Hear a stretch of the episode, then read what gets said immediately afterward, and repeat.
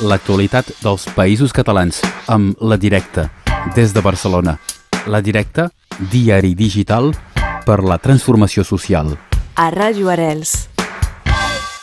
El tenim amb nosaltres per primer cop aquest 2023, doncs bon dia i bon any, David Bou. Bon dia i bon any a vosaltres. Des de la directa a Barcelona i volem uh, justament parlar d'un dels barris de, de Barcelona, l'Eixample, perquè hi ha hagut un primer judici d'una lluita per, uh, per l'habitatge. Efectivament, eh, és el cas de la Casa Òrsola. La Casa Òrsola és un edifici eh, històric d'aquest barri cèntric de Barcelona, del barri de l'Eixample, i en aquest cas eh, és una lluita paradigmàtica. Nosaltres eh, estem fent especial seguiment perquè pensem que és una lluita estratègica, perquè eh, s'ha forjat una aliança entre el sindicat de llogateres i la xarxa d'habitatge de l'esquerra de l'Eixample, que és en concret el barri de l'Eixample on es troba ubicat aquest bloc, eh, per tal de defensar els veïns i les veïnes que hi viuen. Eh, el que succeeix és que que un empresari va decidir comprar aquest bloc, eh, un empresari vinculat a la Caixa, un empresari eh, amb, molts, amb, una, amb una fortuna important i amb un patrimoni important, va decidir comprar aquesta finca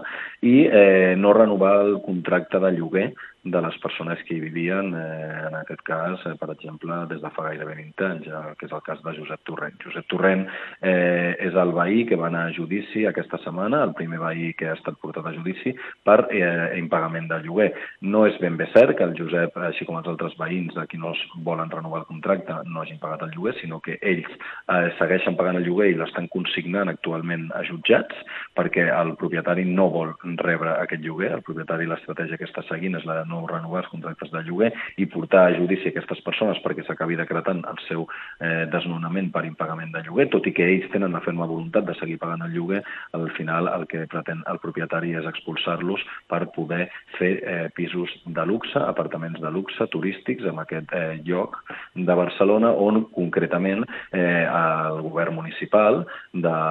Barcelona en Comú i el Partit Socialista està promovent una superilla. La superilla són els eh, projectes urbanístics que estan desenvolupant el consistori amb aquest eh, mandat que expirarà el mes de maig, eh, on s'està reurbanitzant eh, tota la zona i fent peatonal tota una zona com la de l'Eixample, que conegui Barcelona sabrà que és una zona que té una alta densitat de trànsit. Això està fent el desenvolupament d'aquestes superilles i la fer aquests carrers peatonals, el que està provocant és que estiguin eh, pujant eh, de cotització no? i pujant eh, el preu del valor dels habitatges en aquestes zones i això eh, d'alguna forma també està generant un debat públic a la ciutat entre eh, quins canvis urbanístics s'apliquen per millorar el benestar de les persones, però com aquests canvis urbanístics eh, de retruc també eh, eh, provoquen que hi hagi canvis amb el mercat, que pugin els lloguers i que els veïns i veïnes que porten anys vivint en aquests eh, carrers o en aquests barris hagin de marxar perquè no puguin pagar el lloguer. Per tant, aquest cas de la Casa Òrsola és un cas que promet eh, portar a cua perquè hi ha actualment 15 unitats familiars, 15 dels pisos d'aquesta finca eh, han decidit que no marxaran pel seu propi peu i que portaran aquesta lluita fins al final, eh, reclamen una negociació col·lectiva al propietari que de moment no cedeix i de moment ja han començat el reguitzell de judicis i veurem com s'acaba desenvolupant en els propers mesos aquest cas i segur que, que ho seguireu i ens en tornaràs a, a parlar. Deixem eh, l'Eixample i aquest ambient molt uh, urbà per anar cap al món rural al País Valencià. Efectivament. Eh, aquesta setmana hem fet un reportatge de Sara Romero des del País Valencià on explica la Ruta 99. La Ruta 99 és una iniciativa turística impulsada per la Generalitat Valenciana amb un pressupost de 150.000 euros on el que es busca és promocionar 24 municipis de menys de 100 habitants i contribuir, de, diuen des de la Generalitat Valenciana, a la lluita contra el despoblament. Eh, aquesta Ruta 99 està inspirada en la Ruta 66 dels Estats Units, tota la iconografia fotografia eh, i tota la senyalèctica que s'ha anat eh, instal·lant en aquests 24 pobles eh, s'inspira no? i aboca aquesta ruta 66 dels Estats Units, que ha estat àmpliament tractada i ha aparegut eh, moltes vegades en, en, molts, en moltes pel·lícules de, de, de Hollywood, i el que volen amb això, el que es pretén des de la Generalitat, com hem dit, és frenar el despoblament. El problema està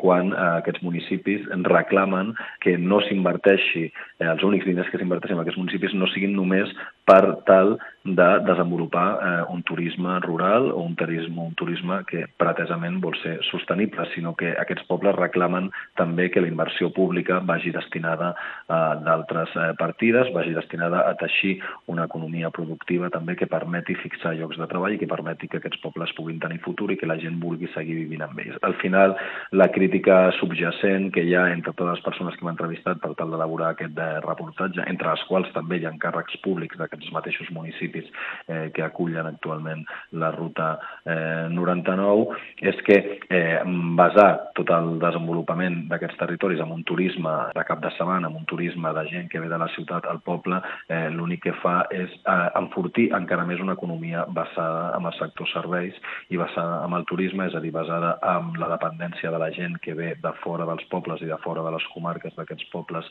a consumir eh, als respectius territoris i no basada en la productivitat i la, les matèries primes de les que disposen aquestes, aquestes zones. No és un debat que s'està produint actualment arreu dels països catalans. Creiem que en aquest cas era destacable aquesta iniciativa de la Generalitat Valenciana que pretén combatre un despoblament que ni els mateixos pobladors actuals d'aquestes zones del País Valencià comparteixen la perspectiva amb la que s'està fent. Si en voleu saber més és a la web directe.cat i acabarem avui amb una nova columnista que, que coneixem una mica aquí a Radio Arrels. Efectivament, eh, després d'uns mesos de tenir eh, orfa eh, les columnes no, de, de la Catalunya Nord, hem donat la benvinguda aquesta setmana a la Dolors Serra. La Dolors Serra, eh, coneguda al nord de l'Albera des de fa molts anys, com bé sabeu, eh, doncs s'estrena amb una columna que s'anomena SEM Nord i Sud. Amb aquesta columna la Dolors fa un repàs a les conseqüències eh, que ha portat el 1 d'octubre de 2017, tant a nivell del Principat com també les repercussions que ha tingut tot aquest procés independentista a, a la Catalunya Nord i després d'unes eh, reflexions que podreu llegir eh, al web acaba fent una crida a que el dia 19 a Barcelona, enfront de la trobada pel Tractat d'Amistat i Cooperació entre els presidents eh, de l'estat espanyol i l'estat francès, Emmanuel Macron i Pedro Sánchez, eh, apela a l'independentisme i apela a la gent tant del nord com del sud de l'Albera a demostrar que som un mateix poble i que tenim unes problemàtiques comunes. Literalment diu que l'estratègia dels estats espanyol i francès és comuna i que la nostra també ha de ser-ho perquè la repressió que patim és sistèmica i essencial per a la supervivència d'aquests mateixos estats. Així que hem, amb aquesta crida per la unitat de Dolors Serra des de la Catalunya Nord acabem avui aquest repàs. Perfecte, i com sempre dic, hi ha molts altres temes. No dubteu en anar a la web web directe.cat i avui n'hem parlat en companyia de David Bou. Moltes gràcies, David. Un plaer, com sempre, una abraçada. Fins molt aviat, adeu. Fins aviat. L'actualitat dels països catalans amb La Directa, des de Barcelona. La Directa, diari digital per la transformació social. A Ràdio Arels.